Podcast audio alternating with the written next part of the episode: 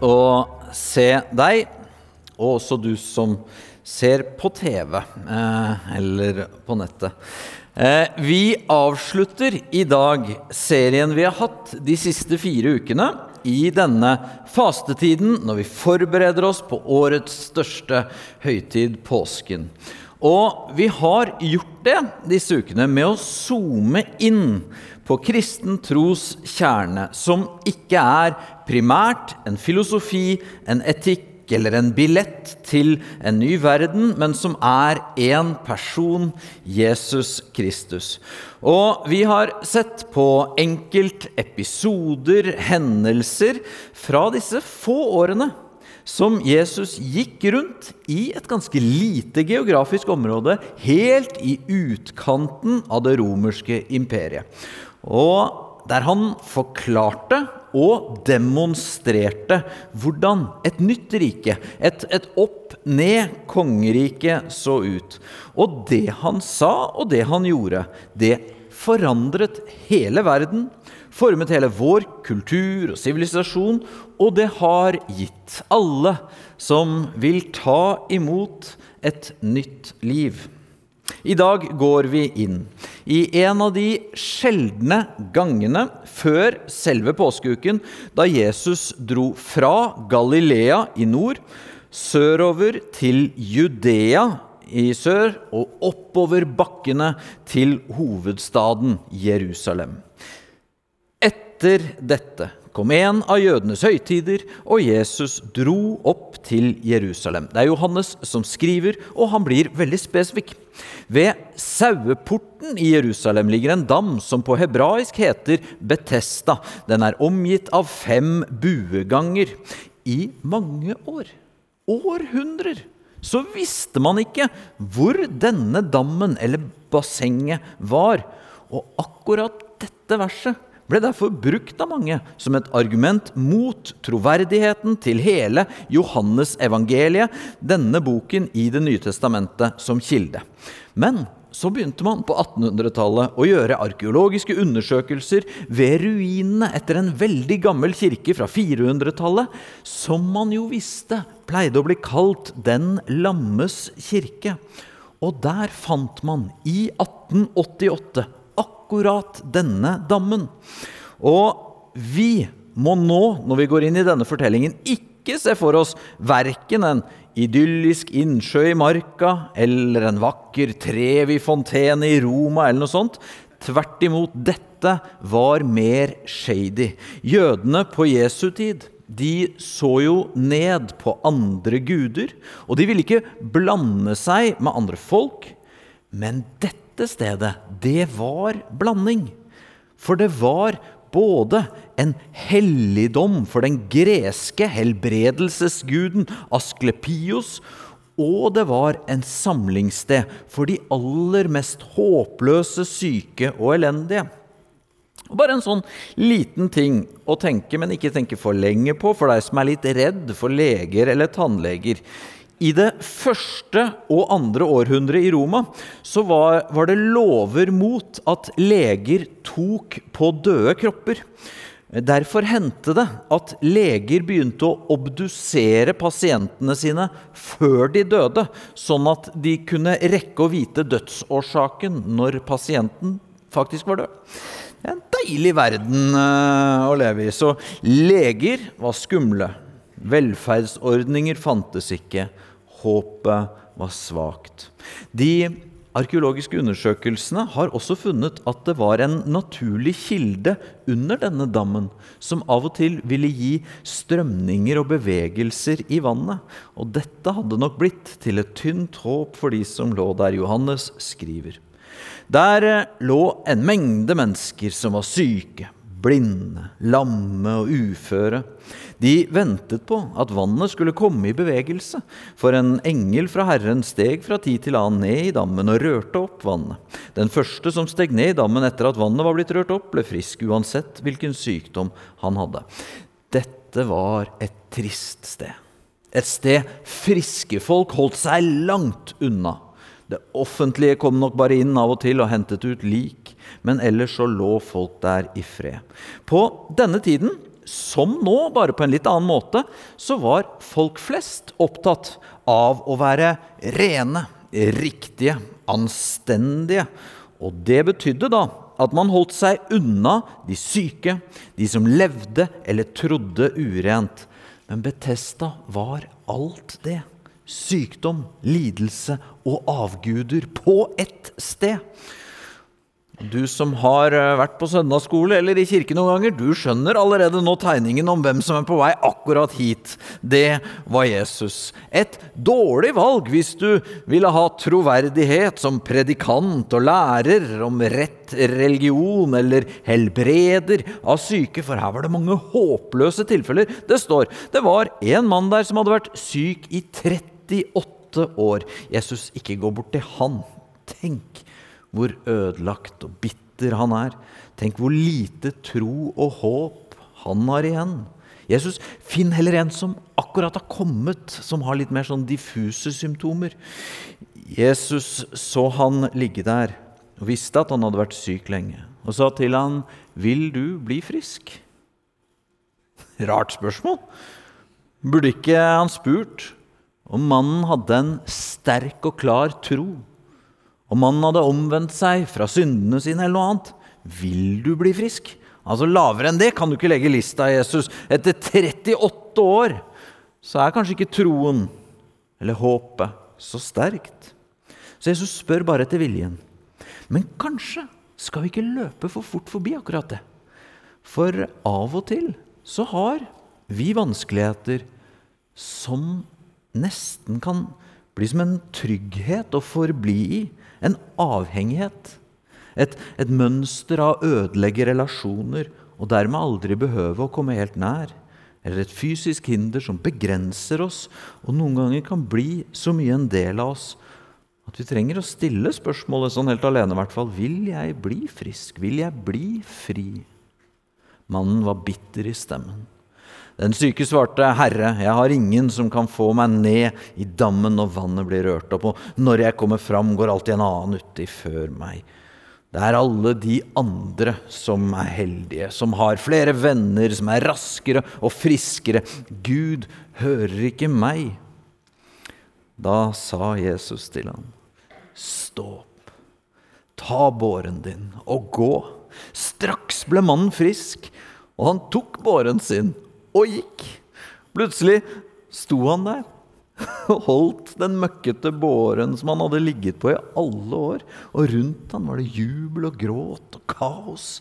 Det her var ikke noen sånn vage bobler i vann eller diffuse symptomer som ble borte. Dette var en annen verden, en ny verden som trengte igjennom mens de så på. Og alle som var der den dagen, visste dette ville de huske så lenge de levde. Teologen N.T. Wright forteller en uh, historie om en stor, forfallen hage i England. Mannen som eide hagen, var gammel, syk og aldri ute lenger. Og de eneste bilene som kom og dro, var leger og sykepleiere. Noen uh, gutter i nabolaget gikk en dag inn i hagen. Og Der oppdaget de en sliten tennisbane med masse løv. Og under så de oppmerkingen, og det hang et slapt nett i midten. Guttene hadde aldri sett eller spilt tennis, men de forsto at dette her var jo for et eller annet spill. De hadde bare en fotball, så de lagde seg et slags spill der de sparket ballen over til hverandre og prøvde å få den til å lande innenfor strekene. Det fungerte sånn halvveis. Så en dag kom sønnen til huseieren hjem fra utlandet for å besøke faren sin. Fra vinduet i andre etasje så la han merke til guttene som lekte nede på tennisbanen. Han smilte, fant frem ordentlig tennisutstyr og gikk ut til guttene. De ble først redde da han kom, men han sa, 'Har dere lyst til å lære det ordentlige spillet?' 'Hva er det ordentlige spillet?' spurte de. Han kostet banen, han strammet opp nettet, han ga de rekkerter, og så begynte han å lære de det vanskeligere, men mye mer givende spillet som banen var bygd for. Miljøet rundt Betesta-dammen, det var som denne tennisbanen. Det fungerte ikke helt sånn som det var ment. Helbredelsesguden Asklepios helbredet ikke. Boblene kom så sjelden. I vår tid så sier vi ofte, og hvis du følger med rundt deg, så er det enda mer enn du kanskje tror, at eh, vi bare må søke innover i oss selv. At sannheten og løsningen ligger her.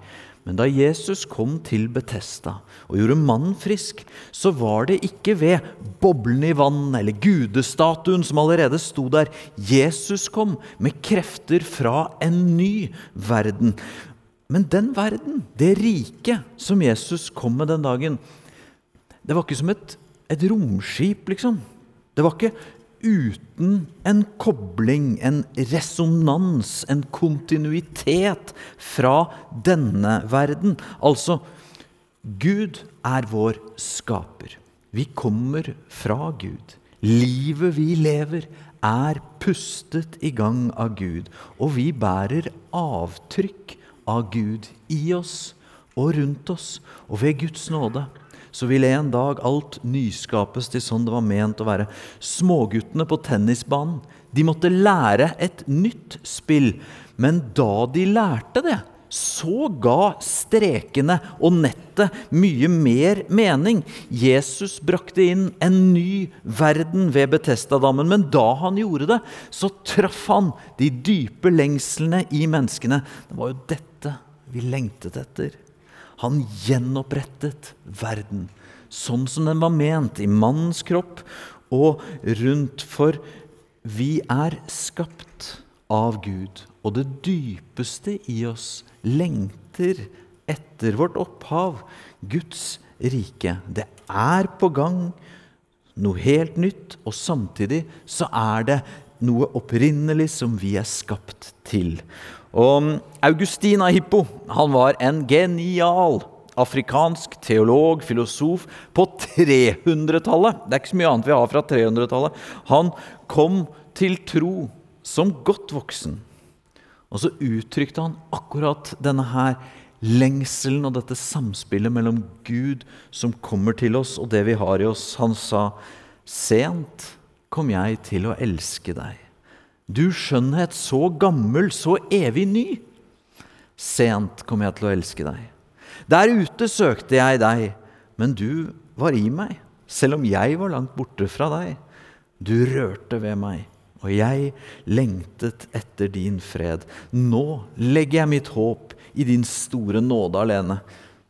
Gi hva du krever, og krev så hva du vil. Du har skapt oss for deg og vårt hjerte er urolig inntil det finner hvile i deg. Denne dagen ved Betesta så trengte en ny verden igjennom. Og det var ikke nok at menneskene bare søkte innover i seg selv og fant. Det var noe nytt som samtidig ikke var unaturlig eller fremmed. Det var det skapte som ble gjenopprettet. Ved Betesta denne dagen kom verden i hakk, på plass. Og det var et frempek mot Guds rike, som både har kommet med Jesus, og som samtidig er på vei. Så vi både har disse frempekene, disse smakebitene, og så lengter vi etter å se det helt ved Guds nåde. Men det kommer alltid et men. Det er bare på film. Har du tenkt på det? det der, er hvordan ting skjer i livet. På film så kommer rulleteksten og musikken akkurat i jubelscenene. Når mannen plutselig går igjen etter 38 år, og alle gråtende omfavner hverandre. I virkeligheten så kommer det jo alltid en mandag etterpå. En krangel, en regning som var mye større enn du trodde, en ulvetime om natten når du er redd for alt. Hva dette mennet er som kommer. Det varierer mellom oss som mennesker, det varierer mellom ulike kulturer og tider og steder. Mennene som kom i Jerusalem denne dagen, det kan ved første øyekast virke litt rart for oss. Eh, det ville tatt en annen form i vår tid, for eh, denne dagen, når mannen var blitt frisk Han står med båren over skulderen, og han går mot tempelet. Vi vet ikke hva han skulle der. Kanskje skulle han takke Gud for det som hadde skjedd. Det var god kutyme. Eh, han skulle kanskje gå med de gode nyhetene til noen han kjente, eller ordne noe. Vi vet ikke det. Men han gikk der som han ikke hadde gjort på 38 år. Og da kommer et men. Men det var sabbat denne dagen, og jødene, altså de religiøse lederne, sa til han som var blitt helbredet App, app, app, app, det er sabbat, du har ikke lov til å bære båren. Og for oss i vår kontekst så virker det jo helt ko-ko. Men når vi er lesere i en annen tid, på eh, fortellinger som dette her, så må vi huske at dette hadde sitt opphav i et godt prinsipp. Gud hadde selv demonstrert i skapelsen det å hvile på den syvende dagen. Og dette med hviledag det er et fantastisk prinsipp som jødisk tro og kultur har gitt til resten av verden. Og er det noe vi i vår tid kan gjenkjenne behovet for, så er det jo det. Vi kan, særlig pga. teknologi, være på hele døgnet. Eh, vi kaller dette nå til og med oppmerksomhetsøkonomien. Verdens største selskaper bruker enorme ressurser nettopp på å stjele vår oppmerksomhet, som gjør at akkurat nå sitter kanskje du på telefonen din, eller du kjenner deg fristet til å sitte på telefonen hvis ikke han blir ferdig med dette poenget snart. Eh, og prinsippet er jo høyaktuelt akkurat vi, vi, trenger å stille oss spørsmålet ok, hva betyr sabbat, hva betyr hviledag for meg, sånn helt praktisk. Det å verne noen tider, noen soner i livet, og ekstra akkurat nå, når vi altså er gjennom det som vi gjennom store deler av kirkehistorien har kalt den store fasten, forberedelsestiden til påsken.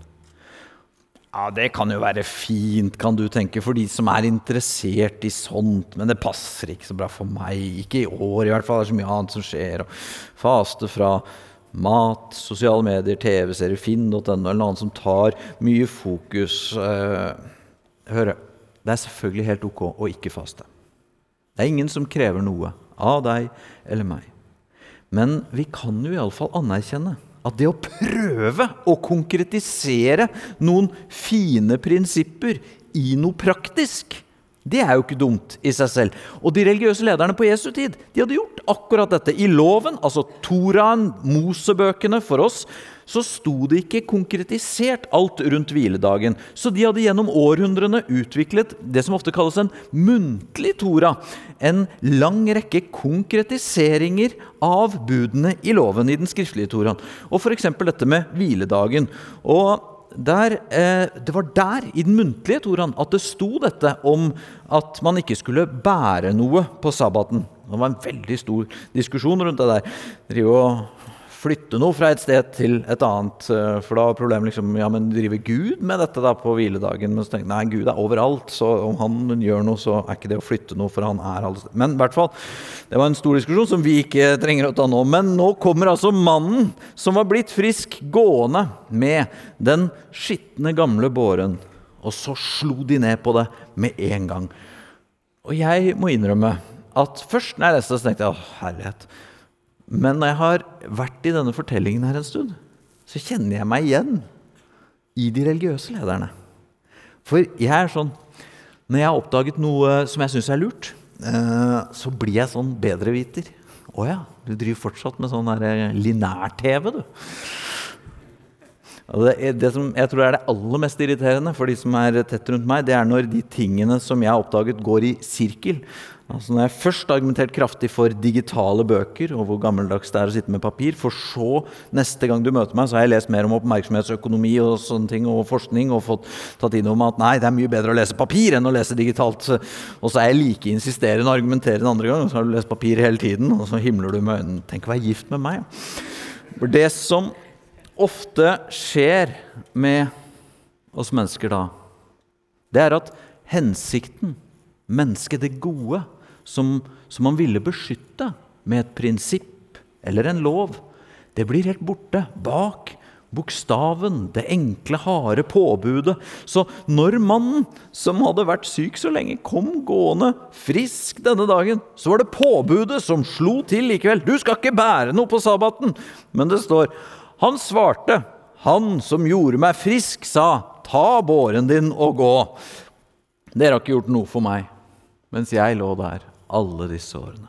Dere har bare gått utenom stanken og den åndelige forvirringen ved Betesta. Så jeg hører på han som gjorde meg frisk. Hvem er det mennesket som, som sa du skulle ta den og gå? spurte de. Han som var blitt frisk, visste ikke hvem det var, for Jesus hadde trukket seg unna. Det var så mye folk der.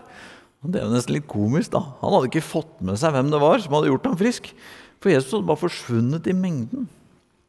Men nå gjorde Jesus noe gåtefullt som har fått teologer og bibellesere til å klø seg i hodet gjennom århundrer.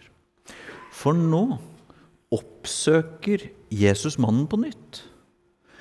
Senere fant Jesus mannen på tempelplassen og sa til han, 'Nå er du blitt frisk. Synd ikke mer, for at ikke noe verre skal hende deg.' På denne tiden trodde folk at om en gravid dame syndet, gjorde noe alvorlig galt, så kunne både hun og barnet bli straffet for, betale for den synden gjennom livet videre. Og denne tankegangen her, den preget også disiplene til Jesus. Så når de senere møtte en mann som var født blind, så fikk de dette dilemmaet, og så spurte de Jesus Rabbi, hvem er det som har syndet, han selv eller foreldrene hans, siden han ble født blind? Jesus svarte verken han eller hans foreldre har syndet. Jesus avviste tanken om at når et menneske er rammet av noe, så skyldes det synd. Altså var det ikke det Jesus henviste til for mannen på tempelplassen. Men det er altså at det fins noe verre enn å være syk i 38 år. Og det er å være overlatt til syndene våre, til konsekvensene av det onde vi gjør for alltid.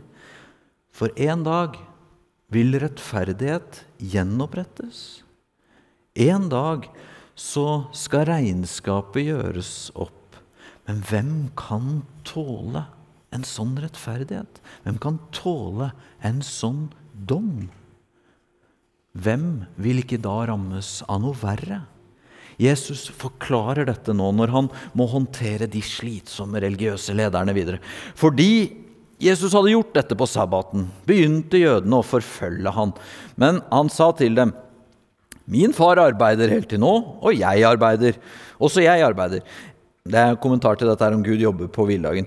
Et etter dette var jødene enda mer oppsatt på å få han drept. For ikke bare brøt han sabbaten, men han kalte også Gud sin egen far og gjorde seg selv lik Gud.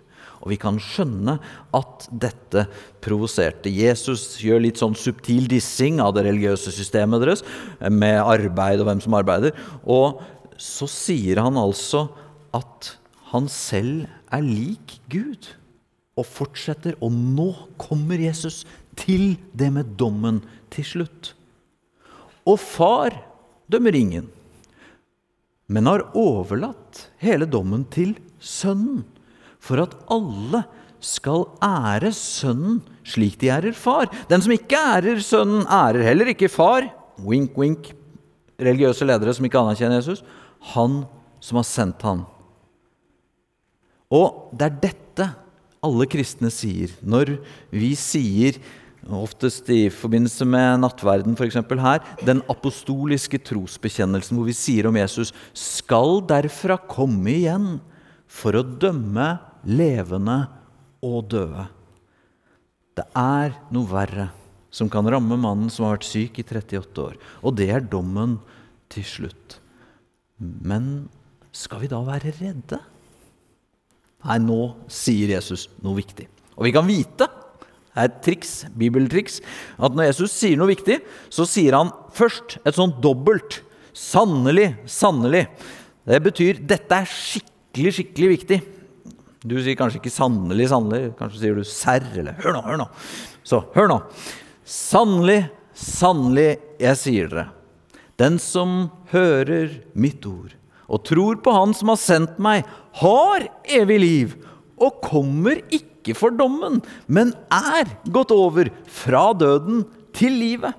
Vi hører Jesu ord, og vi kan ta imot troens gave, som dypest sett teologisk i hvert fall er å slutte å si nei til Gud. Vi kommer ikke for dommen. Og derfor kunne Jesus gå rundt i alle disse fortellingene vi har bevart om han, og alle de utallige møtene med Jesus som mennesker personlig har gjort gjennom hele historien siden da, og gi det evige livet. Fordi den som hører Hans ord, som tror på Han som har sendt Han, vil aldri komme for dommen, men har gått over fra døden til livet. For Jesus selv så ble dette lagt til listen av provokasjoner mot de religiøse lederne, som til slutt endte med historiens største drama i påskeuken som nå ligger foran oss. Men for den syke ved Betesta, og for alle andre som så det den dagen, og for alle oss som hører det, så fikk det bli en fortelling til tro og liv. For Jesus kom midt i den menneskelige lidelsen og forvirringen og han holdt seg ikke bak fine, polerte fasader. Han kom ikke bare med sånn prinsipper om å ta seg i nakken eller søke innover i seg selv. Han kom med krefter, med smakebiter fra den kommende verden, som gjenoppretter vår verden og oss, og som en dag vil gjøre det helt. Og han lar oss ikke komme for dommen, men lar oss gå fra døden til livet. Og derfor kan vi stille oss i den store skaren av mennesker gjennom historien, og akkurat nå, som hyller og takker Han for det. Så vi er invitert til det. Og jeg har lyst til særlig å si til deg som føler deg på utsiden, som er syk eller redd eller forvirret eller fremmed, at du er invitert av Jesus til å gå over fra døden til livet. Og du skal ikke frykte, skal vi be sammen. Jesus Kristus, tusen takk for at den dagen ved Betesta så trengte lyset igjennom. Så kom kreftene fra den nye verden som er på vei. Jeg har lyst til å be akkurat nå for oss som er her, at det lyset som skinner fra evangeliet, som Bibelen sier, at din Hellige Ånd må komme med de kreftene til særlig en situasjon, et liv, det som bare du vet, Gud, som, som trenger det veldig akkurat nå. Gi oss både sånne forsmaker i, mens vi venter på at du ved din nåde skal gjenopprette alt. Så kom, Herre Jesus Kristus. Kom. Du har nå hørt en podkast fra Filadelfia-kirken i Oslo. Vil du vite mer om oss, gå inn på filadelfia.no. Og ikke minst velkommen til å feire gudstjenester med oss hver eneste søndag, enten fysisk eller online.